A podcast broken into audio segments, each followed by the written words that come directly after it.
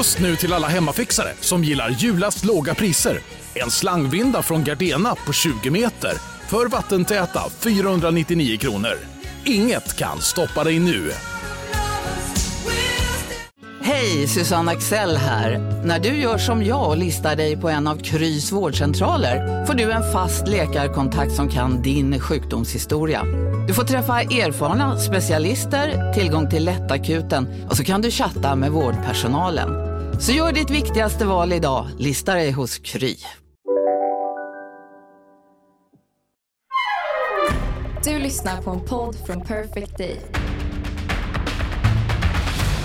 Mycket varmt välkomna ska ni vara till veckans avsnitt av Recept Tack. Vi är på avsnitt 71 Jerka. Mm. Vi är eh, så att säga igång, eh, har, har vi varit ett tag nu.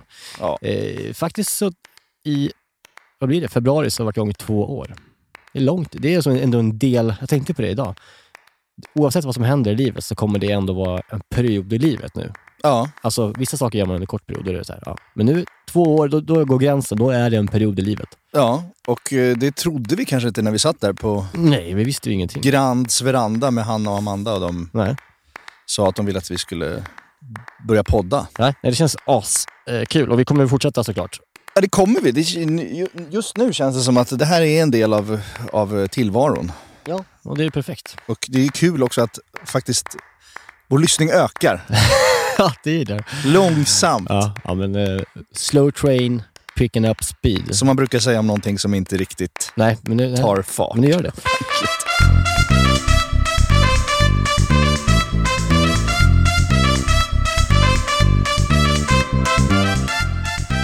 Den här veckan så kommer det också vara väldigt roligt i det att eh, du kommer laga din första rätt för hösten tror jag. Ja. Det är roligt. ja. Vad bjuder vi på idag? ja. Men idag blir det ju hösten till ära älgstek. Ja, kul. Ja.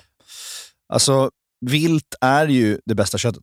Ja, Är vi jag- överens om det? Nej, vi är inte riktigt det. Nähä. Eh, men eh, det är ett bra kött. Det, det är bra kött ja. Ja, ja gud ja. ja, ja. Ja, ja. Men det har man ju också lärt sig att viltkött, det är precis som med vanligt kött, eller vad man ska säga, nötkött och fläskkött, att det finns ju bra viltkött och Mm. det finns dåligt viltkött. Såklart. En gång, jag har, har jag haft en, en annan vilträtt i podden, och då, en dovhjort. Mm. Och första gången jag lagade så lagade jag ju en dovhjort som var skjuten på Nämndö Just det. av min eh, svärfar. Mm. Nej, inte svärfar. Svi- Ja, skitsamma. Skitsamma, bo, eh, min sambos bonuspappa. Mm. Ja, och den var ju enormt bra. Mm. Alltså du såg ju. Ja, ja alltså, herregud. Nej, men det var ju ingen, det var ju, det var ju, den var ju så otroligt fin köttbit. Eh, så andra dagen skulle jag återskapa det där Mm. och då gick jag bara in, för jag har ju kontor i slakthusområdet. Mm. Och där finns det lite konstiga grossister Mm. här och där i olika källare. Men även de här stora Johan Hallen, de här riktiga grossisterna är väl där? Ja, ja, ja. Men, det finns, men de, bruk, de, de börjar ju avvecklas Ja. en efter en. Eftersom det ska bli någon, någon typ av meatpacking district, Ja. skitnödigt. Tunnelbana. Sofo liksom, heter- förlängning. Vet du Va? om att de ska byta namn på Globens tunnelbana till Slakthuset? Då? ja, men det är väl i och för sig ganska härligt. Ja, Globen finns inte kvar. Det är ju Avicii Arena. Just det. Nej, men eh, då gick jag ner och köpte någon hjort som hade legat i en frysbox liksom, nere i en källare i tre år. Och den var fruktansvärd. Ja, och det misstaget gjorde jag i somras på Gotland också. Gick in på någon så här... Det finns ett ställe som ligger typ i Vamlingbo, eller vad fan det är. Mm. Nej, det är inte alls det. Skitsamma, Habblingbo kanske. Mm. Eh, och då, är då går man in där på någon, den här butiken och så är det så här, vi har viltkött. Och sen så står någon gammal så här, surrande Sia-glassfrys Mm. som är helt jävla liksom, igenkloggad av, liksom, de borde Ja. frossas av för fem år sedan. Ja, ja. Och längst ner där ligger någon, någon rulle med, med, med just gjort eh, kött. Mm. Eh, och som man då plockar upp och bara så här, ja det är ändå lokalt, Mm. tamhjortar. Typ. Mm. Smakar ju piss. Ja. Alltså, det är verkligen skillnad på kött och kött när det kommer till vilt. Man ska köpa färskt. Yes. Det är så. Jag gjorde också torskrygg häromdagen som Ja. jag köpte i en sån här frysblock. Mm, mm. Fy fan, det smakar ju gammal inte- cykelmurra. Jag tycker inte man ska köpa eh, fryst fisk faktiskt. Om man ska göra det på det sättet. Om du ska göra liksom en, en, en eh, torskrygg Ja. med goda tillbehör som man Ja. bara steker i panna, då, då måste man fan Ja. unna sig. Nej, men det, för, det smakar för mycket fisk. Det är Mm. någonting som inte stämmer. Nej. Och eh, det kan vi säga till våra lyssnare. Mm. Att det ska ni tänka på. Och den här gången eh, när du köpte älgstek så är det min älg du har, som jag dödade. I wish. Tänk om det kanske ligger någon liten bit av den i någon gammal fryslåda i någon källare i Men Nyköping. det är ju 28 år sedan. Ja, men du vet. Ja, du vet. Alltså jägare, så sladdriga Nyköpingsjägare som inte har rensat frysen på flera år. Men det är inte, det är inte så att eh, den här hjortfilén jag köpte på Gotland har legat kortare tid än den här Sia glassfrysboxen. Nej, Så att, eh, det är Precis. kanske möjligt. det hade varit en rolig liksom, middag. Ja, verkligen. Cirkelslutning, verkligen se vad, vad som händer i dig Ja. när du äter den. Har vi fått någon respons på hela den här älghistorien? Är det någon som liksom, Ingenting. Eh, Dina föräldrar? Nej. Nej, nej. Nej. Nej, så den, den eh, går vi vidare ifrån nu. Ja. ja men du, du ska göra älgstek den här veckan. Jag ska göra älgstek, en väldigt klassisk. Jag ska göra älgstek, parmesanpotatis, Mm. Eh, eh, svartvinbärsgelé som jag köper färdig Mm. och så en gräddsås på älgfilé-steket. Steket, Liksom, ja. Som blev helt jävla Som du har otroligt. gelé i och så här och jävlas. Ja, Mm. precis. Mm. Jag har lite allt möjligt götta i den. Ja. Eh, den, är, den är enkel, men den är god och den är Men höstig. parmesanpotatisen är väl också den som vi pratade om i Det här var avsnittet faktiskt en egen take på Ja. parmesanpotatisen, för mina barn är inte så förtjusta i citron och timjan. Nej. Så att det blev bara liksom parmesan och smör. Mm, det är gott. Gott som djävulen. Ja, men fan vad härligt, då har vi ju en eh, riktigt bra höstig eh, söndagsmiddagrätt känns det som. Det Ja. är, eller hur? Ja, det blir trevligt, för snart är det vinter, så det här är Mm. lite sista chansen. Mm, mm. Prata om den här älgen. Perfekt. Då, eh, det ska vi återkomma till senare i avsnittet, Det ska vi. tycker jag. Eh, Välkomna! välkomna.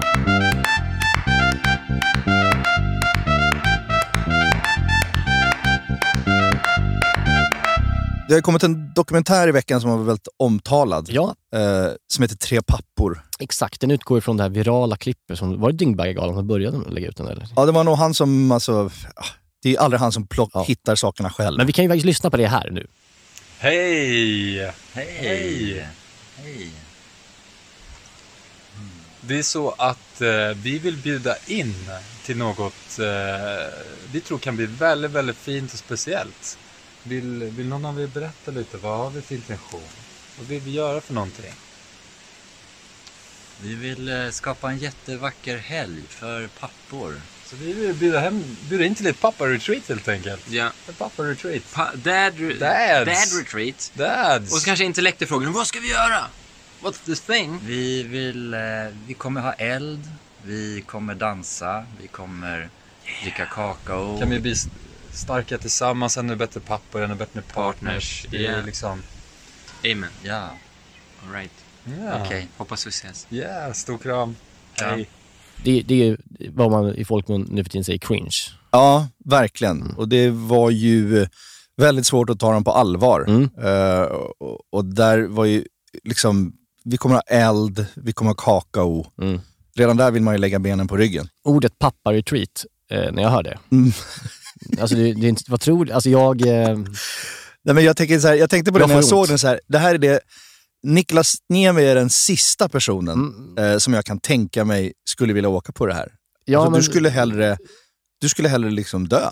jag skulle göra alltså, extremt mycket i livet hellre än det där. Ja, Eh, inte dö, men nästan. ja, För jag, det, är- det är så långt ifrån vad jag tycker är bra. ja. För att du gillar inte att reflektera över din papparoll överhuvudtaget. Eh, inte självgott och eh, ömkande om sig själv med sina andra pappor som är lika självgoda och ömkande. Så att nej. Nej, nej men jag, jag, jag, jag hör dig och jag känner samma. Men jag tyckte ändå att det fanns något otroligt lockande i att titta på den här Jag tycker att det lockande var ju att de gjorde, alltså, alltså så här, det där klippet eh, fanns så och nu så finns det en dokumentär som tar avstamp i att de liksom fick egentligen massa kritik för det här. Ja, Och så får man följa med på det här retreatet. Ja. På retreaten, två, det är två stycken va? ja, Eh, under fyra avsnitt. Det är klart man blir sugen bara av premissen. Jag blev det i alla fall. ja. Den, den har ju fått lite buzz, liksom, som, den, som sig bör. Eftersom det är en väldigt intressant dokumentär ändå, tycker jag. Okej, jag kan tänka mig så här. Alex och Sigge spelar in i detta nu, eh, har jag förstått. ju, Och det kommer på fredag. ja, de gör det. Det kommer ju imorgon. Och de pratar om Nej men jag vet inte, men Nej, det, nej. skulle inte förvåna Nej, mig om Sigge har någon så här 30 minuter Ja. lång take på den här Ja, med musik som är just det. jättebra. Och väldigt bra. Och sen kommer vi med vår liksom lite halvsladdriga recension på den. Mm. Men så kan det kanske få vara. Vi kan väl ta hänsyn till det, eller? Nej, det tycker jag inte vi kan göra. Alltså, fan. Men det, man, det som hände var att man slängdes in i en, i en berg och dalbana av otroligt många olika mörka, mörka livsöden ju. Som Ja. man inte förstod när man tittade på det där klippet i början. Nej. Liksom, att det här, här döljer det sig liksom mörka, mörka historier. Mm. Jag, jag, jag tror att den har potential att liksom bli en dokumentär som är lite så ofrivilligt eh, briljant på något sätt. Som, Mm. eh, som plötsligt är Vinslöv, eller du vet, att man, så här, man, man kommer sitta i åratal efter att titta på den här och ha favoritscener och eh, ställen där man skrattar och ställen Mm. Där man så här, sitter och bara vrider på sig. Och, eh, jag, jag, tror, jag tycker han har potential att bli en klassiker. Ja, alltså, när jag, jag koll, för- exakt, för när jag kollade på den, det är fyra avsnitt, det kan ni kolla på på Play, på SVT Mm. Play. Ligger. Ja. Men jag, när jag direkt jag såg den så tänkte jag, alltså det här kommer inte åldras väl. Det här kommer inte åldras väl. Alltså de här personerna, om tre år så kommer de här personerna titta tillbaka på det här och få väldigt grov ångest. ja, jag är inte så säker på det. Nej, men alltså, Jag är inte så säker på det. Ja, men det här är ju bara för att få en känsla av liksom, Mm. hur det här första pappa-retreatet har varit då. Vi kan, vi kan bara lyssna hur, hur, hur de upplevde det. Hur upplevde ni den här helgen? Overall magical. Det blev precis som jag hade, inte tänkt mig, men jag kände så här, vi samlades, vi fick uppleva alla känslor. Eller jag fick uppleva, jag fick gråta, jag fick skratta, jag fick dansa, jag fick prata om det som är viktigt, jag fick... Stärkt! Ja. Inspirerad att komma hem och vara en ännu bättre pappa. Verkligen. Det är så fint. Jag känner mig så jävla i kontakt med er också. Verkligen. Wow, we made history. We did some things that's liksom, wow, we did history. Haha. jag känner så här, så jävla nöjd. Nobody will know. Liksom. Exakt. It was amazing stuff. You will continue, journey continues. Precis. Ja. vilken våning är vi på? Kan man hoppa från fönstret? Men det, är ju, det är ju så roligt hur den här dokumentären är utformad. För här är de ju så jävla empowered liksom, Mm. av det här pappa-retreatet. Mm. Men sen så kommer det här mörkret, liksom, att han kommer hem, en av de här killarna kommer hem till sin tjej. Jon. Jon. Och ja, vi kan lyssna vad som sägs. Mm. Vi, vi bråkade så mycket att det inte var en eh, bra miljö för dig att vara i. De pratar alltså till sin bebis då, Mm. som, fast de pratar in i kameran. Mm. Jag vet att jag har skrämt dig också Mio, när jag har varit ledsen hemma, när vi bodde alla tre tillsammans. Och vi vill inte att du ska bli skrämd av oss. Så Det behövde bli så här för att det skulle bli lugnt. Men det fina med att ha, ha dig Mio är ju att du är, jag tycker du är finast av alla. Ja. Han Ja. plötsligt, jag får känslan i alla fall att det kanske inte är på hans initiativ. Jag Eller? fick, jag fick raka motsatsen. Jaha. Att han har kommit hem av den empowered av den här dude-helgen.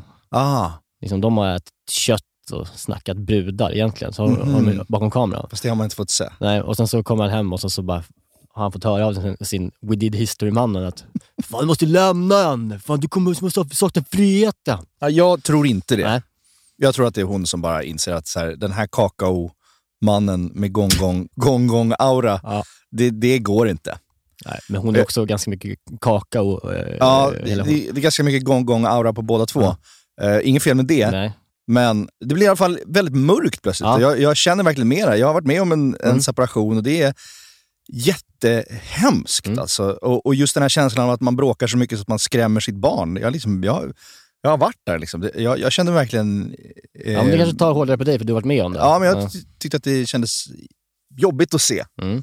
Och jag, jag, jag trodde inte att den dokumentären skulle liksom gå in så djupt på deras personliga livsöden på något Nej. sätt. Jag tycker att det blev väldigt starkt. Och det här löper ju igenom hela dokumentären. Det är hemskt att jag skrattar, men det kanske är för att jag blir så Mm. berörd av det. Men sen kommer vi till en scen i, i avsnitt två, när de ses igen. Mm, grabbarna. Nej, nej, han och hon. Ja, förlåt. Jon och hans eh, tjej. Då ska ju Jon för första gången sova ensam med eh, bebisen. De ska liksom, eh, man flyttat isär och nu ska liksom Jon ta hem bebisen själv. Ja, Och då är det i överlämningsskedet som det här sker. ja så är det va? Mm. Hur fan visste du det? Jag såg den sa jag ju. Jo, jo, jo, men okej. Ja, Han lämnar Ja. ju lägenheten Ja. med eh, barnet. Och han har ju visat ut att han, han har lagt upp en jävla yogamatta där de ska busa och mysa. Mm. Då berättar ju också hon det här då. Det är ju helt sjukt att det faktiskt, ja, livsgnistan liksom kommer tillbaka. Att, eh, jag trodde ju att jag skulle liksom att det var en mardröm att separera. Att jag inte skulle liksom klara det och må bra. Eh, Men istället så känns det som att det håller på att leda till någonting bra. Där livsgnistan kommer tillbaka istället för att den dör.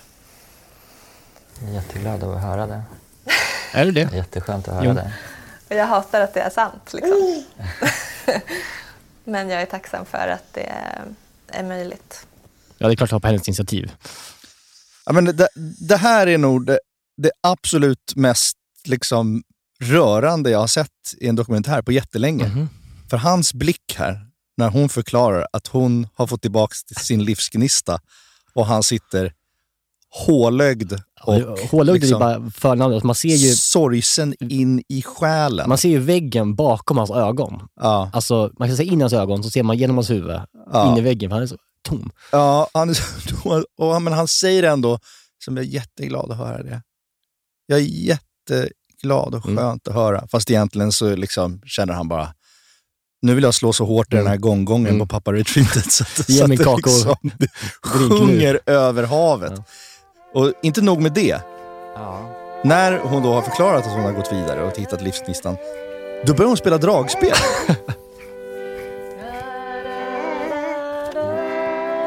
Hon har liksom hittat ett nytt intresse nu, börjat spela dragspel och blivit glad igen.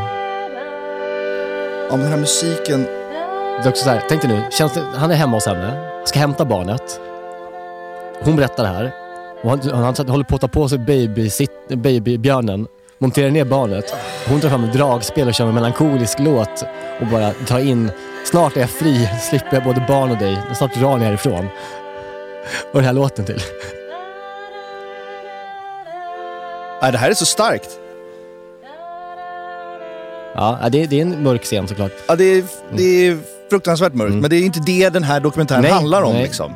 Det och det är inte det jag vill prata om heller. Jag, jag, bara, jag, jag vill bara säga att den här scenen är det starkaste jag har sett Mm. i en dokumentär. Mm. På år och dagar. Mm. Nej, men den är absolut stark. Det, det är det. Och liksom, så här, jag, jag kan inte låta bli att tänka ur, ur skådissynpunkt så är det liksom så här, också när han säger det här, Mm.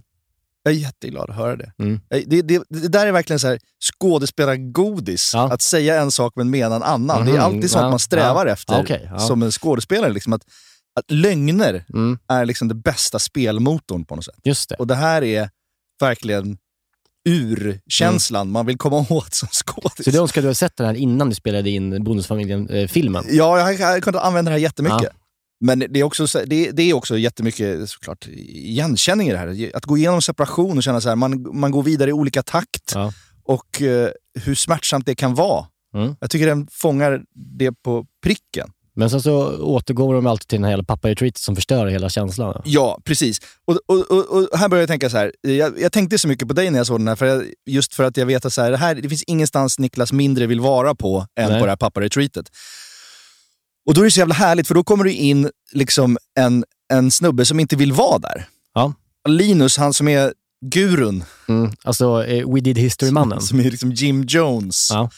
eh, i, i det här gänget. Han pratar med det här om sin brorsa. Mm. Att han Så- ska iväg på retreat. Ja, Och han är skeptisk, brorsan ju. brorsan är skrevet. Vi kan lyssna. brukar jag sjunga, så sjöng de den. Han bara, åh fan vad nice, den ska jag också prova. Jag tycker att Linus är så himla cool som så här, fixar såna här grejer. Hade jag gått i skogen och plockat svamp och så hade jag sett någon snubbe sitta och sjunga en, liksom en barnvisa. Jag hade liksom ringt snuten. Liksom, fan, kom hit, det finns... Varför anmälde inte Älskar honom. Det som tar emot med pappa-retreatet är väl liksom det här... äh, Så jag är inte van att sitta i en cirkel med tända ljus och prata ut om spirituella liksom, delen som jag, är som jag själv inte är inne i. Liksom. Så, och för någon som inte är inne i världen kan det vara upplevas lite så här flummigt. Liksom. Det som jag tycker är härligt är att jag ändå känner din support Filip. Hur, hur kan han känna det? Ja, det känns inte- snuten på dem. Det känns inte supertydligt här. Men när han väl, han bestämmer sig faktiskt för att följa med. Mm. Och det tycker jag är så otroligt jävla modigt. Ja, det var en Eh, bror på riktigt. Och då tycker jag att dokumentären verkligen tar en twist som Mm. blir spännande. Och se hur en snubbe som kommer utanför den där sekten Mm. upplever det här. Och då, då hakade jag verkligen på, på hans resa. Mm. Och jag kände att han blev identifikationspersonen på något Mm. sätt. Ja, och på vägen ut till retreatet så återkommer han igen till det här liksom att han pallar inte med det här spi- spirituella som han säger, det andliga. Nej. Eh, och det blir väldigt tydligt här i bilen ut när han åker med en annan deltagare som ska vara med, som redan, som också har gong-gong-aura. Liksom. Mm. Alla andra har ju gong-gong-aura. Ja, ja. Att ha barn, att ha partner, att, att liksom så här leva livet på livets villkor. Det är det som är tufft. Att dra iväg och sätta sig in på något retreat någonstans och sätta sig och meditera i någon grotta. Ja, det blir lite jobbigt i början tills du har vant dig, men sen är det, liksom, det är ju inte lika jobbigt som att liksom börja hantera barn som vill saker eller skriker eller så här, vardagen liksom. Det är mycket, mycket, mycket tuffare. Jag ser det inte så andligt att åka iväg och titta på havet en liten stund. Jo, men, men precis. För mig det är jätteskönt att åka till havet, asnice, komma ut och solen så här. Men sen ska alltid gå liksom ett steg till. Sen börjar de prata om att vi ska så här, äh, leka med våra röster och ljuda och så här. Därför, där, där tappas jag lite grann. Aldrig känt Alltså, så här, mer- Måste man ta det där extra steget så här. äh, jag Aldrig känt att igen det är mig mer i en person någonsin. Pappagrejen, så här, pappa i treat så här. äh, Sen när det blandas in, det är inte smutsa ner, men förstår det blir så här äh, flummigheten liksom. Ja. Och man, man förstår ju honom 100%. Taggigt Man undrar hur fan ska det gå för honom liksom? Att vara på det här retreatet. Och det blir bara värre och värre för honom. För att sen så ska han ju plötsligt stå och då eh, hjälpa till med kakaoceremonin. Va? Alltså, Som- jag visste inte om kakaons, ja. jag visste inte om att kakao hade den magiska effekten. Hade Nej, du vi måste nästan stanna upp lite på det. Nej, alltså jag har aldrig hört talas om det. Nej. Vad är Eh, kakaoceremonin? Ja, de dricker ju varm choklad tillsammans då. Och bara ligger och känner in liksom, livet. Men eh, varför just kakao? Kan man dricka O'boy? Det är ju gott. ja, eller kutym på såna här läger är väl snarare att liksom käka svamp eller Ja, men, alltså, det ayahuasca eller Tror inte de tar någonting som ändå är lite potent. Jag menar, Ja. kakao är ju eh, bakverk. Nej, det känns jävla yogadumt bara, hela skiten. Ja. Eh, men men, eh, jag var helt chockad, för kakao återkommer ju otroligt mycket i den här, i den här dokumentären. De pratar mycket om kakao. Ja, det är ju framförallt Jon som har snöat in på kakao. Ja, Han har trillat i kakaogrytan. Liksom. Lättlurad Jon. ja, men det känns som att de andra också bara har så här. "Ah, Vi, vi, vi låter honom köra sin kakaogrej. Ja, ja. det, vi får alla bestämma lite olika saker, men han får köra sin Då ska brorsan, kakaogrej. han får hjälpa till med det här nu. Jo, och här försöker han ju då lite för, förklara kakaoceremonin. Redan vid tillagningen är det viktigt. För, för Jon förklarar för, för Jon skeptiska förklarar för brorsan. skeptiska brorsan. Jag tycker du gör jättefint. Ja, men det är, alltså, det är inte så svårt att stå och vispa. Men hur känns det att blanda liksom? För jag tänker, även här så går det att ha den här, så här intentionen om att så här, nu är det ceremoni, den energi och så här, intention som vi stoppar ner i de här grytorna nu. Det kommer finnas där uppe också. Det skulle jag ha sagt innan, för jag har bara stått och vispat helt med de här och bara... Ja, Okej, men- men då ska jag försöka få i lite... Alltså jag tror, du vet, här, man har ju sett experiment när man typ så här, säger snälla saker till, till vatten så bildas det vissa Ja, men det- mönster. Och säger man så här, elaka saker så bildas det andra mönster. Okej. Så det är lite så här också, att om man står och vispar och är så här glad och kärleksfull, då blir det en kärleksfull kakao. Men om man typ vispar och är arg och bara stoppar ner en massa hat, liksom, då blir det något annat. Jag, jag har ju svårt att se att det överförs till chokladen på något sätt. Men det ska bli kul att se det gifteceremonin som är lite spännande att se vad det ska bli för något. Ja, hur det kommer kännas. Ja, men vad spännande. Ja, men han är ändå med på tåget. Ja, nej, men Eh, verkligen. Men det här, ska vi stanna lite vid det här vattnet eller? Att de vispar upp kakao och vatten och får ner energi i det då. Men jag tycker det är så Jo, men jobbigt. att man kan prata med vatten och att Ja. det kan bli mönster. Ja, men det, det har inte hänt såklart. Eh, Eller det har man ju aldrig eh, hört. någon som- men, men jag är så jävla... Eh, jag tycker det är så jobbigt när människor är sådär eh, övertygade och humorbefriade. Jag säger Mm. inte att jag skämtar bort det, men det är som, du vet, han pratar om det här, eh, den här brorsan som är skeptisk. Jon är liksom inte kapabel att ta in att den här brorsan har en annan livsåskådning. Utan liksom, Jon är övertygad om sin egen liksom, förträfflighet i den här processen, hur den här kakaon ska komma till. Så han han är inte kapabel att liksom ens reflektera över att liksom, dra på smilbanden lite. Nej. Och det är, jag tycker det är jobbigt med människor som är så humorbefriade, Ja. eh, som hela det här gänget är. Ja. Förutom brorsan då. Ja. ja, men det är någonting som blir svårt. Mm. Att, att, att eh, liksom känna, vad ska man säga, kärlek inför. Jag känner så mycket mer kärlek för brorsan som vågar vara skeptisk Ja, men, men ändå exakt. öppen. Ja, exakt. Alltså, Så länge man är skeptisk men ändå öppen så finns det någon sorts reason i Mm. det. Men är man bara, litar man bara blint på någonting, det är då det börjar bli farligt. Ja, men det är så jävla självförhärligande. Och liksom, de, de, liksom, det är de som de runkar av sig själva mentalt. Förstår Ja. Alltså, de är så, Ja. eh, det är så jävla jobbigt. De tycker de är så fullkomliga Ja. i sina, liksom, varje gång de pratar. Och det känns lite jobbigt. Ja, och det, det är det som är så jävla... För jag tycker hela payoffen kom sen på något sätt för mig med brorsan. Är att sen i slutet av eh, det här pappa-retreatet så sitter de i badet. Mm. Och eh, en ny kille i retreatet frågar om råd. Just det. f- För han är, ska bli blivande pappa. Mm. Vi kan lyssna på det. Och nu skulle jag också vilja höra från alla. Bara något tips eller så. så bästa, bästa rådet liksom för någon som ska bli pappa. Och då börjar ju eh, folk med gång gång aura svara först. Liksom, Med sitt, precis det här som du pratade om. Mm. Det här liksom eh, självreflekterande, självcentrerade andligheten som på något sätt är så svår att ta till sig. Ja. Försök vara, försök vara lugn själv. Speciellt i stressade situationer när, man stressar. Man, man, man sätter sig ner. Det ger sig den tiden. Det är inte alltid så lätt, men om man ger sig den tiden så kan man ändra ganska mycket faktiskt. Det är ju liksom Mm. råd ett. Ja. Att bara sätt dig ner, ta det lugnt när du är stressad. Alltså, så här, vem kan absolut. göra det? Ja, det går ju att göra. Absolut. Det går Nej, inte. Och det är nej. extremt självcentrerat också. Ja, ja, ja. Alltså vadå, om jag står i hallen med alla ungar och är skitstressad, då måste mitt fokus vara att komma iväg med dem. Jag kan inte sätta mig och ta det lugnt. Så det är ett jävla Pisstips. pisstips. Eh, Det är precis som den här boken som jag läste när mina barn var som jobbigast, Fem gånger mer kärlek. Ja, som man det. också slängde ut eh, från fönstret på Hornsgatan. Liksom. Eh, var ju att man bara, varje gång man är arg eller barnet är arg så är det egentligen, handlar det bara om att kramas. Ja, det är ju Mm. absolut lätt. Nej. Och sen får han ett till råd då, Ja. med, som är ännu mer gång-gång-aura och självcentrerat. Inte jämföra sig med någon annan, att lita på att jag är värdefull och tillräcklig. Den här att eh, jag slog mig så mycket att vara, jag behöver själv, självkärleken. När jag inte tycker om mig själv så kommer jag leta brister hos min dotter. Alltså så här, om jag lyckades eller inte. Mm. Så jag får träna på, för mig behöver jag fortfarande träna på att det är okej att vara ner, eller som inte glad. Och här känner man ju liksom hur det börjar krypa lite i, i brorsan. ja, att de- så här, de här mm. råden, han, han kan inte med riktigt, varken vi eller han kan ta åt sig det, här, för det är så abstrakt. Och det handlar om en själv. Ja, men de är så jävla egoistiska. Det handlar ju bara om att, att de själva liksom egentligen vill bort från att vara föräldrar. det handlar bara, allt handlar bara om att så här, när kan jag få lugn och ro och vara mig själv? Och gå in i mig själv och Ja. dricka kakao. Ja, men det som är så jävla fett sen, det är tycker jag att brorsan, Mm. som inte ens är liksom en originaldeltagare med Nej. gång-gång-aura.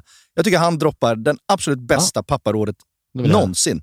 Bara att du sitter här och liksom bara så här, jag ger mig tips, jag vill bli så bra pappa som möjligt. Liksom det räcker liksom så mycket över liksom average vad vissa barn får för uppväxt. Liksom, så att det kommer gå hur bra som helst. Tack! Mm, det kommer gå bra. Det är allt som man behöver. Ja. Bara du reflekterar lite mer över din papparoll så kommer det gå bra. Ja. För då är du över average. Good enough parenting. För det, det här tycker jag är hela liksom, grundproblemet med en pappa-retreat, är att det är så jävla manligt att göra en så jävla stor sak av att ha ett barn.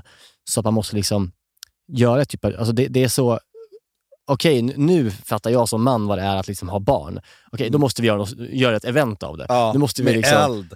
Nu är jag i första världen med att förstå, okej det, har- det är barn, okej då, kan jag, då ska jag berätta för alla i världen hur det är. Det är så jävla manlig egenskap, att man liksom ska alltid kontextualisera det till någon stor så här svar på livet-sak. Medan kvinnor bara kör på och bara säger ja, det är livet. Ja. Men det är Ja. så jävla, jävla eh, egoistiskt bara på något vis. Ja, men jag tyckte också att det var så spännande att eh, efter fyra avsnitt så är det ändå brorsan som droppar bomben. Liksom. Lösningen på allt. Nej men det, det, det är ändå vä- sevärt eh, detta. Ja, men det är det. Jag, ty- jag tycker ändå det är sevärt, för att det fick mig ändå, summa summarum fick det mig ändå att på något sätt, igen, man gör ju det hela tiden Mm. på något sätt, reflektera över sin papparoll, men det här fick mig att tänka på det extra mycket. Liksom. Mm. Och eh, jag tycker att eh, det behöver ju alla göra, Mm. på något sätt. Man behöver inte åka på pappa-retreat, men man kan reflektera över det. Ja. Och ehm, jag började då tänka på så här, eh, när jag tycker att jag är som bäst pappa och när jag tycker jag är som sämst pappa. Mm. Och det har blivit så otroligt tydligt för mig nu och det känns så jävla sorgligt på något Mhm. sätt. att, att ehm, När Nu är full. jag ju Du är bäst ledig. när du är full. Nej. då är jag ganska bra också. Men, nej, men, eh, jag är ju ledig just nu. Ja. Eftersom jag är liksom frilans och har jätteintensiva perioder. Sen kan jag vara ledig någon månad. Sådär. Eh, eller inte ledig, men jobba mindre. Mm. Ja, du fattar. Men då har jag i alla fall tid att vara närvarande. Och jag är inte stressad. Mm. Eh, Jag är inte lika arg. Ehm, Jag sover bättre. Jag hinner träna. Jag tar hand om mig själv och jag kan vara mer närvarande för mina barn. Jag kan hämta och lämna, jag kan skjutsa till träningar och, och liksom gå och fika med dem på morgonen. Alltså, du vet, Jag är bara närvarande. Och jag mår så jävla bra av det. Och jag tror att de mår så himla bra av det också. Och jag, jag känner liksom att jag har längre stubin, jag skämtar mer, skrattar, jag spelar musik på morgnarna. Jag är liksom, jag är den pappan som jag vill vara. Och det är jättemysigt och jag mår jättebra av det. Och sen tänker jag på hur ofta då, eftersom jag jobbar så jävla mycket, så är jag ju ofta inte den pappan. Liksom. Nej. Och det är ju en sorg. Ja. Jag blev liksom jätteledsen när jag tänkte på det. Att oftast så är det ju bara någon som springer runt och, och, och, och tjatar och skriker. Och ska ja. iväg och kommer hem sent. Och det är, större delen av livet är ju så. Ja, men exakt. Man kan inte, alltså, man kan inte heller ha en uppväxt där liksom, det ba, allting bara är perfekt hela tiden. Man Nej, men ju- tänk om man kunde ha det. vad blir det för människa av barnen? Som bara liksom, förstår mycket liksom, de förväntar sig av Trygga, livet. varma, roliga Jo, men då personer. kan de bli det också när du är, är så, när du liksom kan. Ja. Alltså jag menar, det, det är liksom inte så att de kan leva den här värderade liksom, fika på liksom Delselius varenda jävla dag hela livet och så förvänta sig att så är varje morgon. Nej. Eh, Jag tänker att det är, liksom, det, det är fint när det är så, men det är inte farligt när det inte är så. Nej. Vet Nej, det är sant. så Du det- kommer in som voice of reason det- igen, precis som brorsan i dokumentären. Så det tog du med dig från den här? Eh, Du tänkte, jag vet vad jag har börjat tänka på efter den här? Har Tutto Balutto släppt ett nytt avsnitt kanske? Y'all ready for this? Vi är den här veckan sponsrade av Bosch och framförallt köksmaskinen serie 6. Serie 6, maskinen som kommer få både dig och mig, och, eller redan har fått både dig och mig att börja baka mycket mer än vad vi redan gör. Och detta gör vi då med hjälp av Bosch eh, serie 6.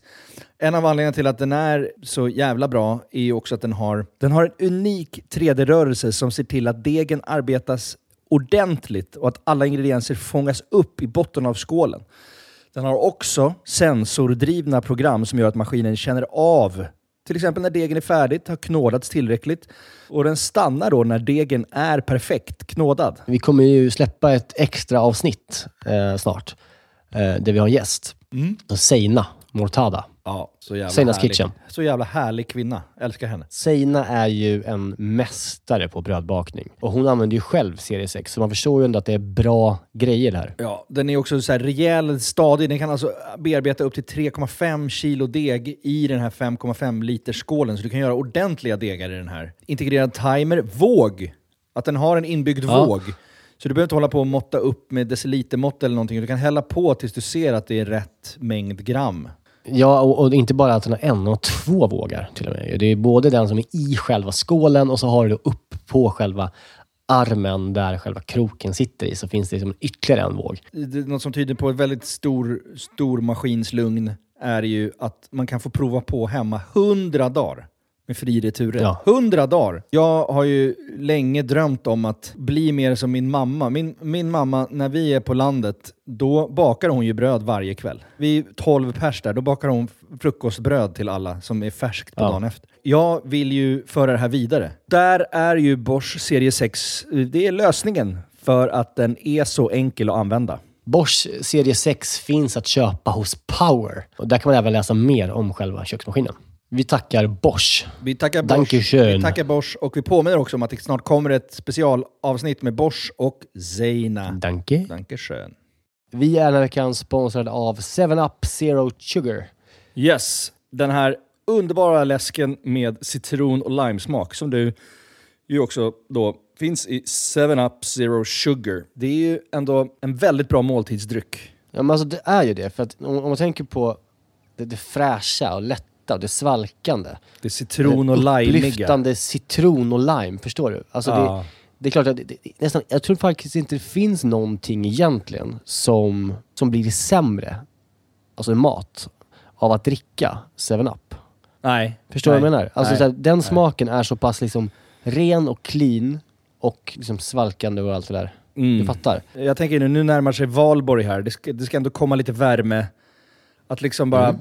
Hälla upp en 7-Up med is och citron i ett kallt glas i trädgården. Mm. Och kanske grilla så här, kyckling Mm. på rotisserie. Har du gjort det någon gång? Nej, men det, det kanske är något som faktiskt eh, den här, jag kommer börja med i sommar. Med en fräsch syrlig sallad.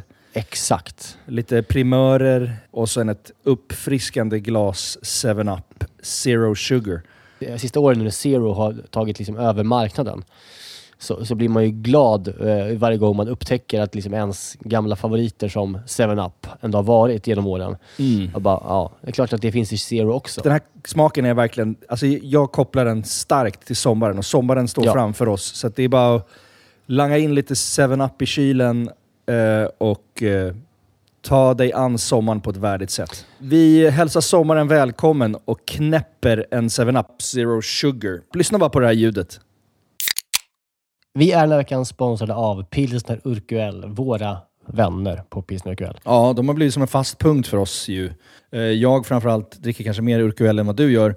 Men därför är jag extra glad och liksom kunna presentera att under våren så lanserar Pilsner Urquell kortburk på Systembolaget. En Den lilla 33. 33an. Och den är kall hela vägen Mm. igenom och så vidare. Det är en av de fina grejerna med Urquell. Det är också så att på, om, man, om man går på ett Urquell-hak då har de Mm. ofta en certifierad tapster. Eh, som liksom upprätthåller kvaliteten på varje öl som serveras. Eh, de går ju då fyra dagars utbildning på bryggeriet i Pilsen.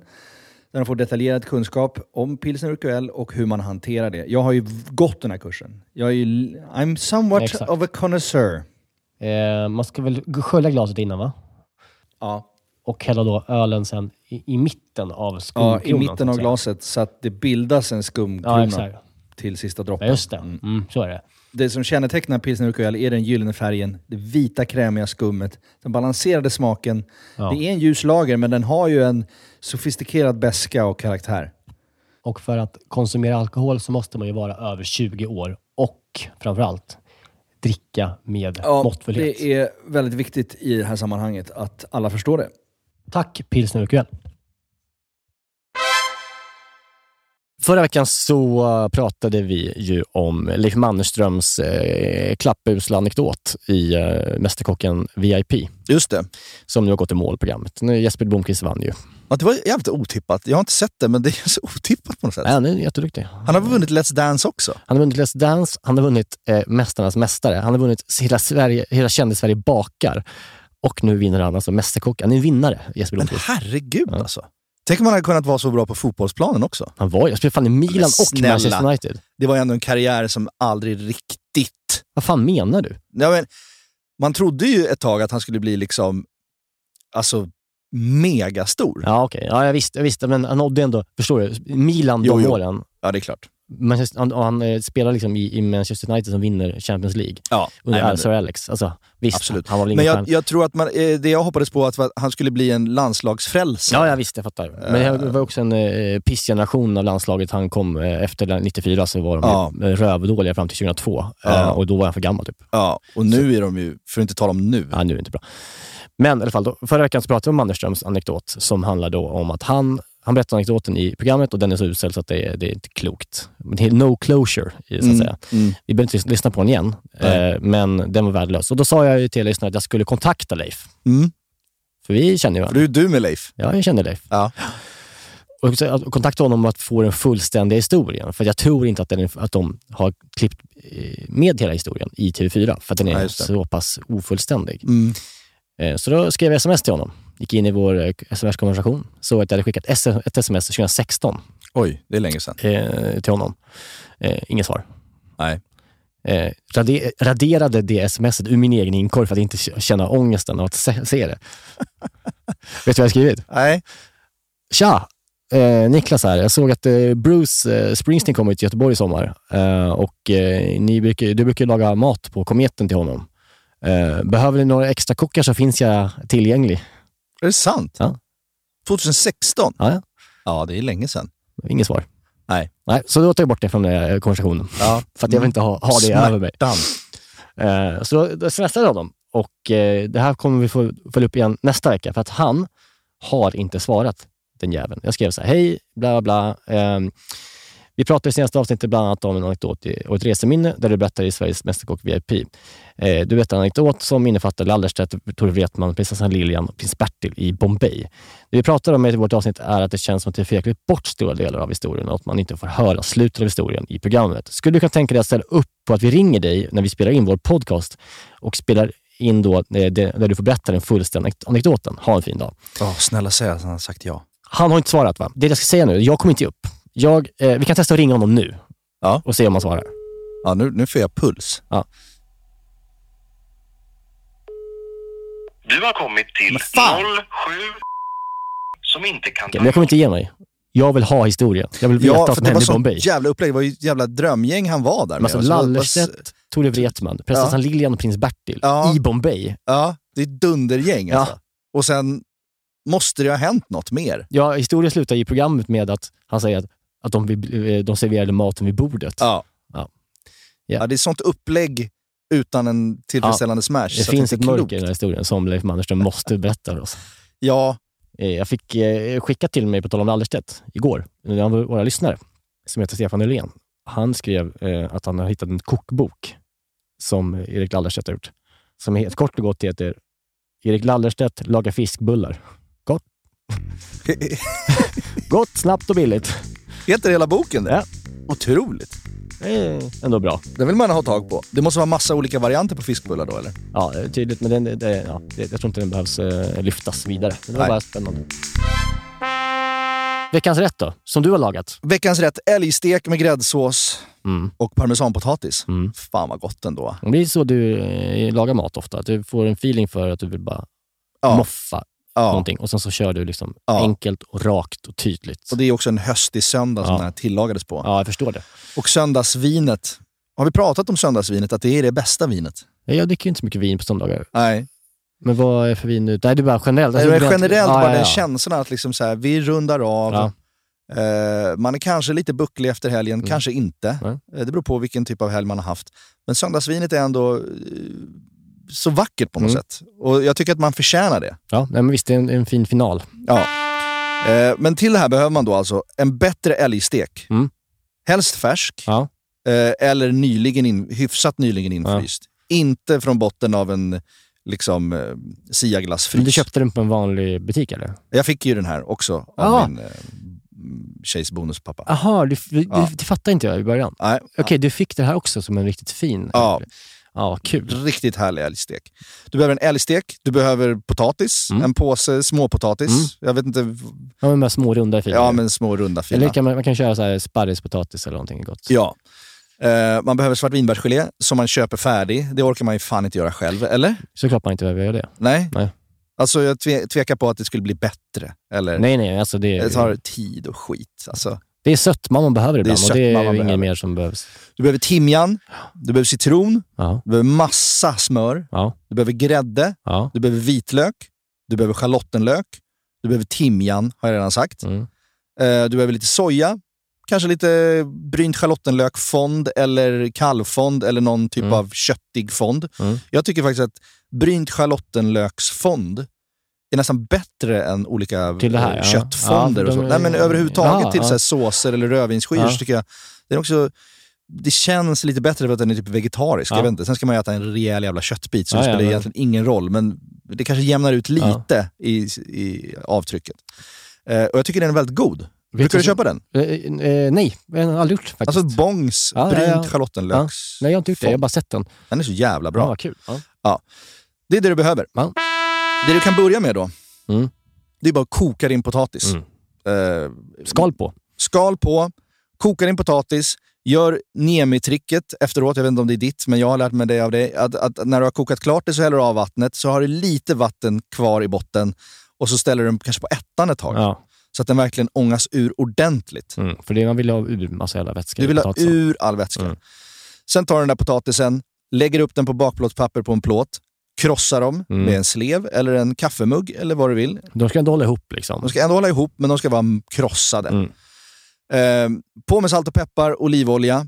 Kanske bara om du har lite smält smör Ja. eller så här, Hyvla smör, vad fan som hyvla över. smör Ja. bara över det och kör in det i ugnen Mm. och glöm bort det ett tag. Ja, men kör. Alltså det, jag tycker det är viktigt att man inte kör för hög värme. Så, men så att den får gå länge och krispa till sig. Så att Ja. runt säg 180-200 grader, kanske i vet, 45 minuter. Ja, ja, visst. Precis så lång tid som det tar att göra klart resten. Ja. Parmesanen går på efteråt alltså? Parmesanen kör vi på si- sista bara svängen. Ah, man tar ut den när tio eh, minuter kvar. Ja, så att den inte ska bli förbränd Nej, nej, och liksom, utan bara, bara smälta perfekt över. Och den eh, river du bara tunt eller? Den river jag, eh, vad heter det med en sån microplane, över sen. Tar ut den precis innan, liksom, när det är dags att börja samla sig vid matbordet, då kan man bara dra över lite parmesan och köra in Mm. Det den är också igen. trevligt att ta ut det där fina då, till de som, de som samlas i köket och sen så bara river man liksom nästan syndiga mängder, kan jag tänka mig att du gör, ja, eh, gör parmesan eh, över den här. Och sen Ja. så bara, vänta grabbar och tjejer som ska äta nu. Mm. Ska jag bara stoppa in här lite till. Ja. Det är en trevlig liksom, liten gest att är det mat. Ja, precis. Och den tar ju också över potatisen. Du tar ju ut steken eh, och den ska ju vila ett tag. Och ta- då kan parmesanpotatisen gå klart. Ja, ja då, under tiden då. Sen. Okej, Ja. så, vi, så nu när man har satt in potatisen i ugnen, det är då man börjar med älgsteken eller? Gör man det nu? Mm. Ja, ja. nu, börjar vi, nu ska vi börja med steken. Ja. och då tar du din älgstek, saltar och pepprar. Mm. Allt som du gör med en stek, du torkar av den. Den ska vara rumstempad såklart. Mm. Eh, och sen bryner du den i en gjutjärnspanna. Mm. Eh, och som när du gör en entrecote eller när du bara... Ja, Generellt gör kött. Ge- generellt Mm. gör kött. Runt om på alla sidor, hög värme. Eh, när du ska vända på den sen, i med smör, citron, timjan, vitlök. Och så öser du och myser med den där. Mm, för det kan man göra ett tag. Ja, det kan man göra. Det är så jävla härligt. Men inte för länge, för du vill inte ha så mycket sorgkant på den ju. Det ska man komma ihåg. Så hårt. Sorgkant är ett ord, ord du har lärt mig. Ja, det, det är ju Ville, våran kock Ja, och häxan, som har det, lärt mig. om man inte folk förstår vad en sorgkant är, så är det ofta då när man steker kött, eh, så Mm. får man kötten uppskuret, så, har man, så är den liksom röd bara liksom i kärnan och så har det liksom en- här, ja, som sagt, en sorgekant av Ja. färdigstekt kött eh, Ja. sista liksom, två, tre millimeterna innan. Well done kött liksom.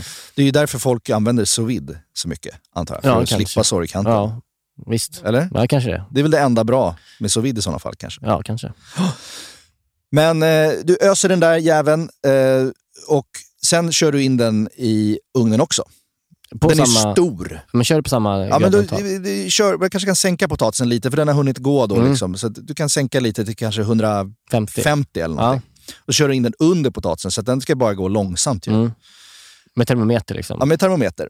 Om man vill. Mm.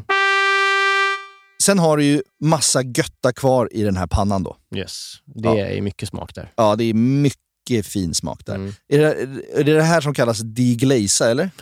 Att deglazea, ja men det är att koka, ja, men, ja, ja typ.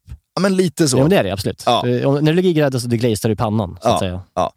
Men det är massa gucka kvar i den här pannan Ja. i alla fall. Och där har jag i smör, Mm. ännu mer smör, Mm.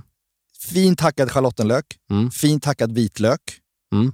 Och sen får det där gå runt med timjanen och citronen och allting så att det Mm. blir en sån jävla härlig... Jag, nu, nu ska jag fan visa hur fint det var. Mm.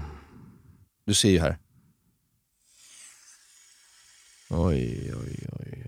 Tror du det luktar gott eller? Jag tror att det luktar Ja. så som det ska. Ja, men det är så jävla mysigt alltså. Ja, det där är faktiskt, det där är ju...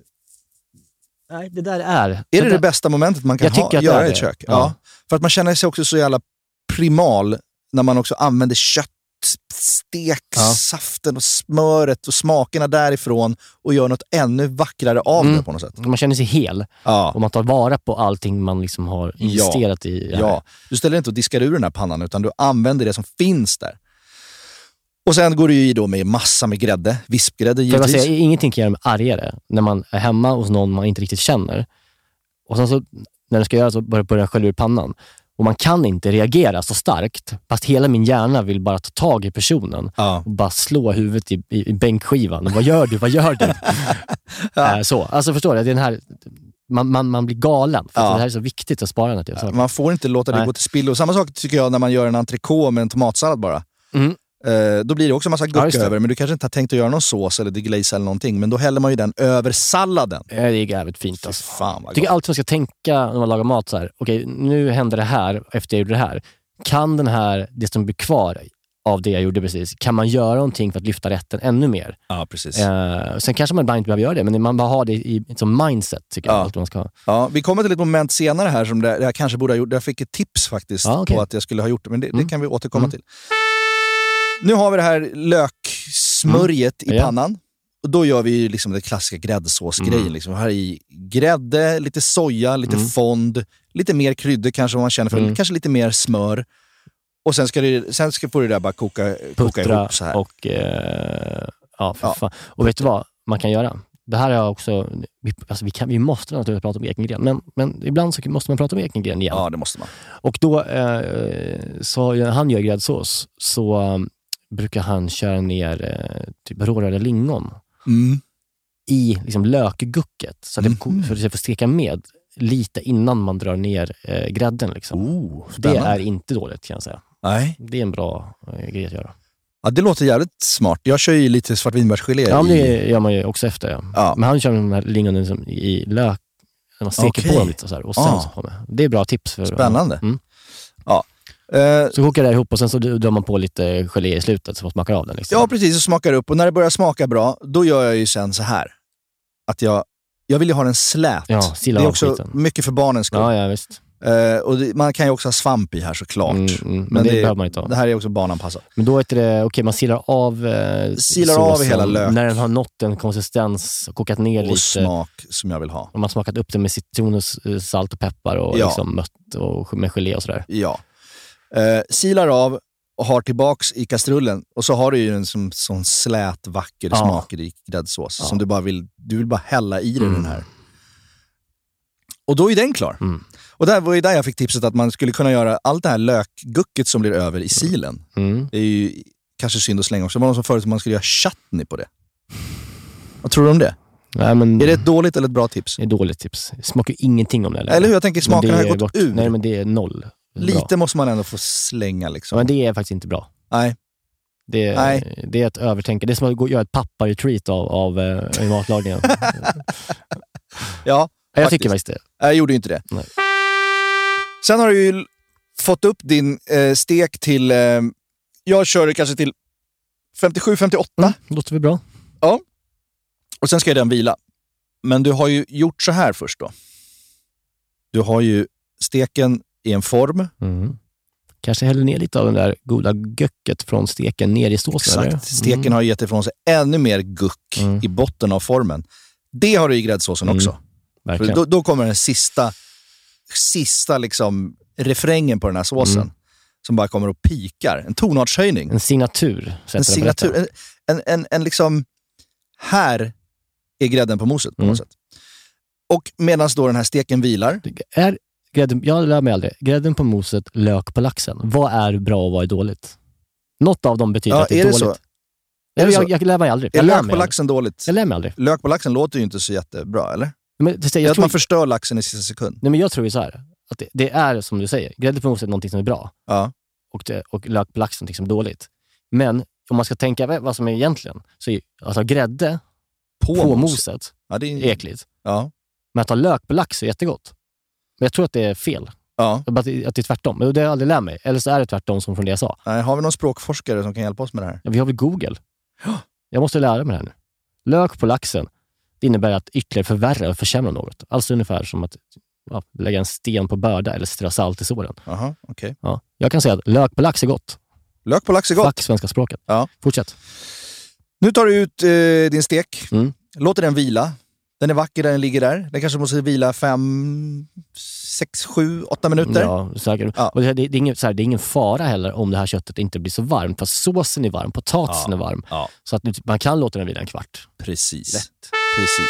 Men här har du ju då läget i ugnen att eh, ta ut parmesanpotatisen, ha på parmesanen, Höja värmen. höja värmen, köra in den sista liksom, 7-8 minuterna med Mm. parmesan på. Och sen kommer allt bli klart samtidigt. Mm.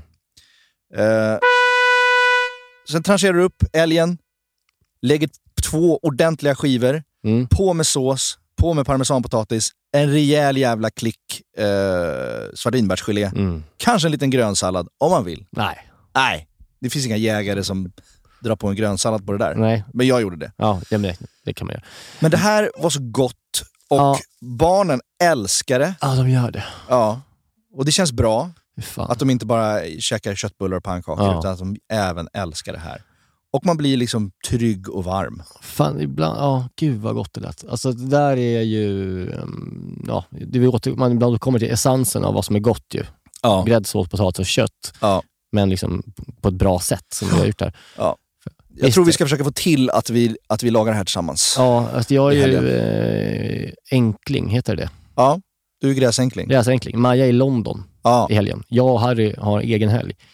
Så jag kan tänka att jag kanske bara packar ihop honom och drar ut till, till Svedmyra Ja. och hälsar på dig Ja. på söndag. Och så Ja. lagar vi älgstek. Ja, och gör en bra tutorial, för min Nej, det var alldeles för sladdrig. Ja, ja. Men eh, det är fan vad gott. Och, okej, kan, man få tag, kan du få tag i mer älgstek tror du? Ja, men jag, jag får gå till någon saluhall Ja. och köpa bra. Ja. Mm. Nej, för fan vad kul. Det där är eh, en bra rätt. Laga det här.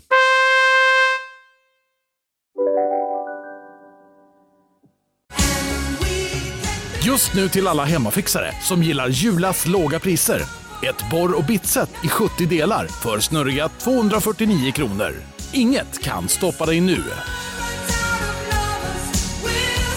Om en yogamatta är på väg till dig, som gör att du för första gången hittar ditt inre lugn, ett lugn du inte trodde fanns, som gör att du blir en trevligare partner, en bättre bilförare, en bättre kock. Du blir befordrad på jobbet men tackar nej, för att du inte längre drivs av prestation utan vill göra saker som känns meningsfulla i livet. Och, ja, eller ja, då finns det flera smarta sätt att beställa hem din yogamatta på. Som till våra paketboxar placerade på en plats nära dig och tillgängliga dygnet runt. Hälsningar Postnord. Du, åker på ekonomin. Har han träffat någon? Han ser så happy ut. Var det onsdag? Det är nog Ikea. Vadå, dejtar han någon där eller? Han säger att han bara äter. Ja, det är ju nice där alltså. Missa inte att onsdagar är happy days på IKEA. Fram till 31 maj äter du som är eller blir IKEA Family-medlem alla varmrätter till halva priset. Välkommen till IKEA. Du, eh, vad säger du om att dra igång lite eh, lyssnafrågor? Ja, men det är alltid mysigt. Frågelådan, på Mm. veten. Jag drar i tråden här. Här kommer frågelådan.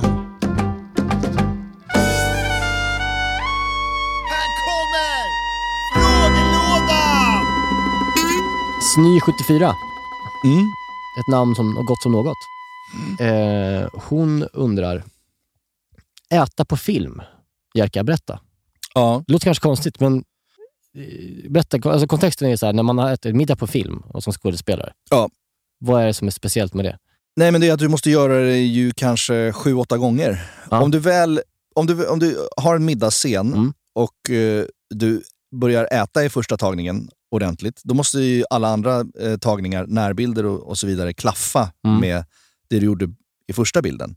Så att har du ätit ordentligt då, då äter du ordentligt i liksom sju, åtta tagningar. Ja, och då får man inte göra bort sig. Eller göra, Ja, men Då, då, börjar ju, man börjar bli mätt och eh, det är inte alltid så gott kanske. Och då blir det ofta att man fuskar och man kanske bara petar eller liksom äter ett salladsblad. Eh, men det kan man, ett tränat öga kan ju se det när skådisar fuskar. Jag tänker ofta på det. Ja, det gör det. Att de inte äter ordentligt. Ja, att Ja. de så här, en gaffel som går upp, eh, bara aldrig stoppas in, in i munnen riktigt. Det är, så här, det är samma salladsblad på den här gaffeln. Ja. Under liksom en scen som är fyra minuter. Ja, du har genomskådat det här. Eh, så, så, ja, det är klart att det är jobbigt med en klaff. Då är det bättre att man inte äter ju. Ja, men precis. Och då, om man är då rutinerad, om man ska säga, Mm. så har man ju lärt sig lite knep där då. Att Mm. man äter bara lätta saker eller man liksom fuskar lite. Ja, man tar, just det, där- därför ofta de äter salladsbladen just. För att man kan äta Ja. dem mycket. Men jag, jag som alltid är hungrig och Jag tänkte alltid ju säga äter. det, man är ofta hungrig på sätt för det är ofta skitmat och catering. Ja. Som man ju, Ja, men det beror helt på attributören och scenografen. Vem som har lagat det eller vad det är för mat. Ibland är det skitgod mat när man filmar. Och då kör jag. Alltså. ja, det är svårt. Tänk då, ska Satan vet, då äter jag mellan Ja, också så att de får Tänk om du skulle få den här älgstekrätten till exempel. Ja. Helt så här, alltid doftar gott och nytt och du är svinhungrig. Och vet dagen har slut på inspelningen, man är så jävla hungrig. Det är klart man börjar äta mycket då. Ja, ja. ja men jag hade sån senast nu när vi spelade in Maria Wern, då hade vi en lång middagsscen och det var så jävla gott lamm. Mm. Någon sorts thai, thai-kryddat lamm. Mm. Med koriander och chili och liksom, du vet. Att det var så gott. Alltså jag åt så jävla mycket. Men ibland får man ju också in så här kall tomatsås med någon asstressad scenograf som har kokat ihop kvällen Ja. innan. Som är, och då, då blir det ju salladsblad. Men så du kan utgå ifrån att när du tittar på film och någon eh, skådis bara äter lite sallad, Mm. då är det eh, en skit äcklig mat. Som en, då är det olika scenografer helt enkelt. Och det är samma sak med, med eh, dryck. Va? Man, man, eh, doppar typ bara läppen i den. Man dricker inte så mycket. Va? När man är glas, om man har typ ett stort vinglas till exempel. Nej, för det är ju alltid alkoholfritt. Det är också det. Det är aldrig riktigt vin. Äckligt alkoholfritt eh, vin. Ja. Så det är också, det, ja det, smuttar man det ju verkligen saft bara på. och så. Det, det är alltid, alltid det är ändå vin. Alltid. Det behöver inte, de fejkar inte eh, så att det liksom inte ens är vin. Nej, det brukar vara alkoholfritt vin. Ja. För saft blir, Det skådisar är så noja för att sitta och dricka socker. Alla, alla är så ätstörda. Ja, ja. Så det, eh, man kan inte sitta och dricka juice i åtta tagningar. Nej. Ja, men vad spännande ändå. Ja. Det där måste vara nytt. Max Johansson Mm. undrar, vad är exakt medelvärme på en spis? Vi pratar ju ofta om det. Mm. Vad är medelvärme? Och så här, medelvärme för mig är inte hälften. Nej. Alltså på en 10-gradig skala så är det inte fem Hälf- eh, medelvärme. Medelvärme är sju. Ja. Eller hur? Eller håller du Ja, med om verkligen. Varför säger man det? Sex möjligtvis. Ja, händer det så mycket på... Ja, kanske. Jag vet inte. Nej men sju. Ja, jag skulle också, Sex, fan, fan, sju sju, landar vi nog på. För Ja. att det ska ju vara varmt men ändå inte brännas. Exakt. Det är medelvärme. För det där är... Från fem och ner, då, då puttrar det. Ja. Alltså, man räkna Vad ska man ens ha femman till? Vet man får göra? Man får räkna från hälften och sen så får man ta hälften av det som, från hälften till max. Ja. Där är medelvärme. Där är medelvärme. Egentligen så behövs ju inte femman på, på en spis. Nej, femman behövs aldrig. Nej. Man behöver, Hur ofta gör du någonting på man femman? behöver tvåan, trean, sexan, sjuan, nian, tian. Åttan också dålig om man har Ja. tio. Ja. ja. Ja, det är lite som på förstärkare på gitarrer. Liksom, att folk pratar om el, att dra upp till elvan. Liksom. Eh, Det, är på något sätt samma Ja, det där är lek med siffror. min- Man behöver inte Ja. femman. Nej, det, är bort med den. Så det, det är väl ett speciellt svar kanske, men Ja. så är det. Johan Lundberg undrar, vilka är era go-to-viner, vitt och rött, som passar liksom till det mesta? Om man liksom, ja, du vet. Bara inte har, det, där får ju du svara. Ja, det är ju väldigt personligt såklart. Men jag, jag gillar ju... Jag, rött så det blir alltid norditalienskt. Mm. Piemonte, Barolo, Lite Brunello. Eh, lite fruktighet och lite Mm. djup. Och eh, ganska egentligen... Eh, vad ska man säga? Alltså, det, de är inte så svåra. Det är inte Nej. så svårt. Om man är lite svår, då tar man ju lite mer dammiga franska Mm. röda viner. Så här Coturon och sånt. Har jag, har jag en känsla av. Mm. Om man är lite mer nördig så tycker man nog att norditalienskt är lite för svennigt. Typ. Men jag är, sån är jag. Mm. Enkel man. Och vitt då? Vitt, då blir det ju nästan alltid Riesling. Tycker jag. Ja, ja men det, det kan jag ändå förstå. Ja. Ja, men det är ändå så här, det, det, det är ganska torrt, inte så fruktigt, men det har ändå en, någon typ av Mm. publikfriande grej. Jag kan tycka här, ibland folk, nördarna tycker ju att vit bourgogne och sånt är, Ah, okej, är det okej. bästa. Jaha. Men det tycker jag ibland smakar för mycket. Det smakar nästan hö. Ja, men lite kiss. Typ. Ja, men alltså lite så här... Jag vet, jag vet att man ska tycka att det är det godaste och finaste. Så här vit, Montrachet, Chassange, Montrachet och vit bourgogne och sånt. Som är avancerat och eh, svårt. Men jag tycker inte att det är så jävla gott. Ja, men det är intressant. Jag, jag läste, på tal om liksom Norditalien, fast det här är i och för sig mitt i Italien, så läste jag på Pompets dryckeshandel, Mm. eh, deras Instagram. Så har de fått in eh, några liksom viner från några, nunnor. Mhm. Det är ett, ett trappistkloster som heter Monastero Suore Cistercienesi. Som ligger Vad är trappist för något? Det är väl trappist, det är väl en typ av munk tror jag. Aha. Alltså, det är en typ av liksom, trappistmunkar finns ju. Trappistkloster. Det är någon typ av Trappist låter som något i inomhus friidrotts-VM, eller vad heter det? När man Ja, det är tramp. hänger på en... Ja, okej, men det är det inte. Eh, trappist. När man hänger i en stång och gör Ja, volter och grejer. Ja. Det är en orden inom liksom, kyrkan. Okej. Trappistorden. Mm. Ja. Men eh, då läste jag om den här eh, nya vinet de har släppt. Då. Och det här liksom, lilla trappistklostret ligger liksom norr om Rom.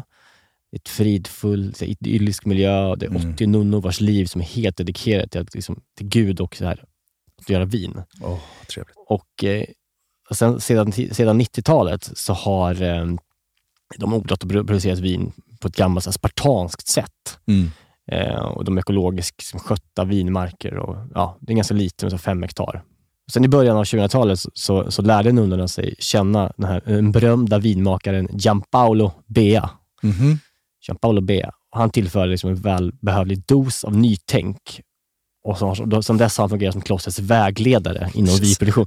Jag, jag, jag blev riktigt sugen på den här, eh, den här Gianpaolo Bea. Ja. Att han kommer in liksom i säkert trappistklostret. Ja, med 80 nunnor och skulle lära dem nya sätt. Och... Är livrädd för den här Mm. Gianpaolo Bea. Mm. Men blir sugen på vinet. Vad, vad har Gianpaolo Bea gjort med de här? Ja. Eh, Vad heter vinet? Det heter eh, Coenobium. Mhm. C-O-E-N-O-B-I-U-M.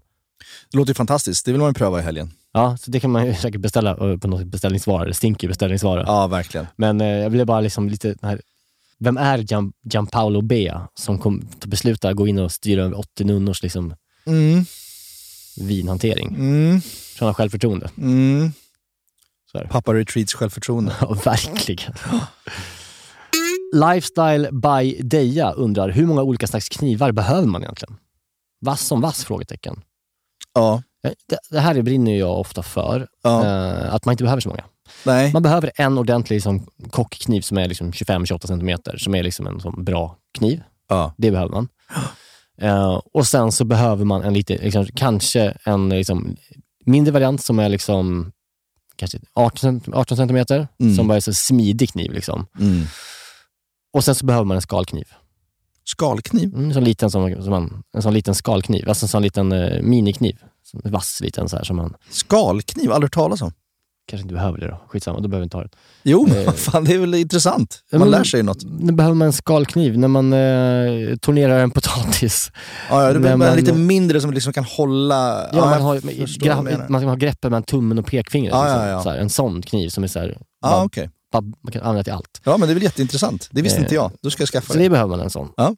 Det var för specie, speciellt på tal om skalknivar förresten. När vi, jag jobbade på uh, Ylajali heter det, i Oslo, så hade vi besök av Guide Michelin. Vi hade ingen stjärna då. Vi skulle Mhm. få första året när vi öppnade. När de öppnade, jag jobbade där. Och sen så eh, fick vi reda på att de hade kommit dit, så gjorde vi återbesök. Och då gick vi med genom köket och kollade liksom vad vi har för, alltså vad, hur det ser ut i köket. Mm. Och då fick vi anmärkning, minns jag, på att vi hade skalknivar från Ikea. Aha. De man köper in, de blir dåliga. De slängs och diskas i maskin och så här. Ja, ja, ja. Eh, och de kostar liksom fem spänn styck typ. Ja. Så man bara har sådana. Och det tyckte de inte var bra. Aha, det, då ska man inte få en stjärna. Jo, vi fick ju... Men vad ska man ha då? Opinel? Jag har ingen aning. De kan dra åt helvete, är- ja, det kan de faktiskt. Ja, alltså jag tycker man behöver liksom tre knivar, egentligen två. Ja.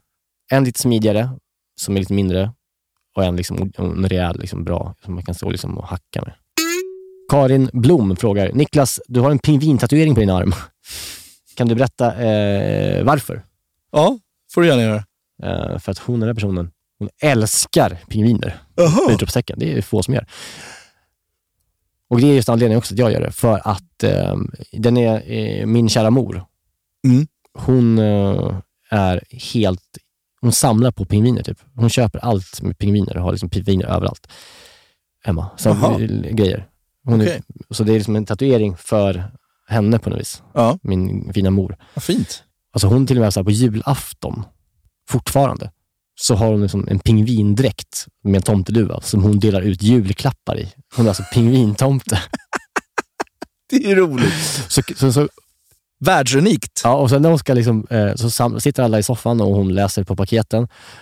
Och när hon ska ge ut pa- paketen, då, ger hon inte ut, då, då, då går hon som en pingvin fram till personen och ger paketet. Men fan vad spännande. Och varje gång hon är dyngrak, när hon är på fest, då tar hon fram sin pingvindräkt och kör liksom ett, och leker pingvin. Ett nummer liksom. Ja, hon bara kör pingvinnumret. Fy fan vad fint. Det här vill jag se. Ja, hon är... Harry kommer älska det här. Ja, hon bjuder på sig själv, det ska hon ha. Ja. Nej, Så det är därför Älskar jag har gjort en pingvin på Älskade min eh, Petra. arm. Mm.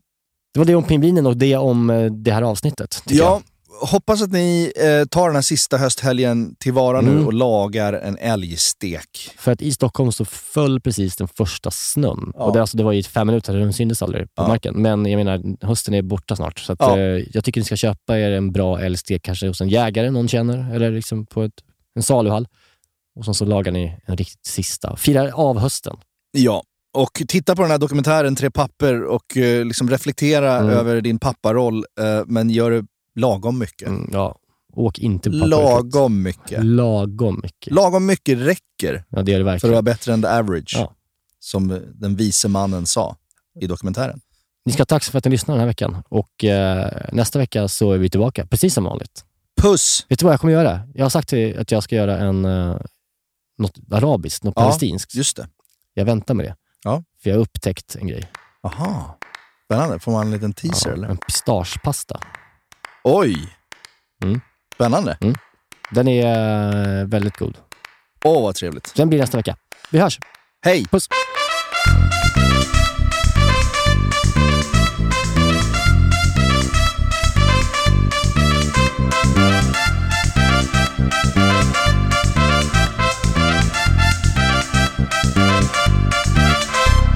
Den här podcasten är producerad av Perfect Day Media.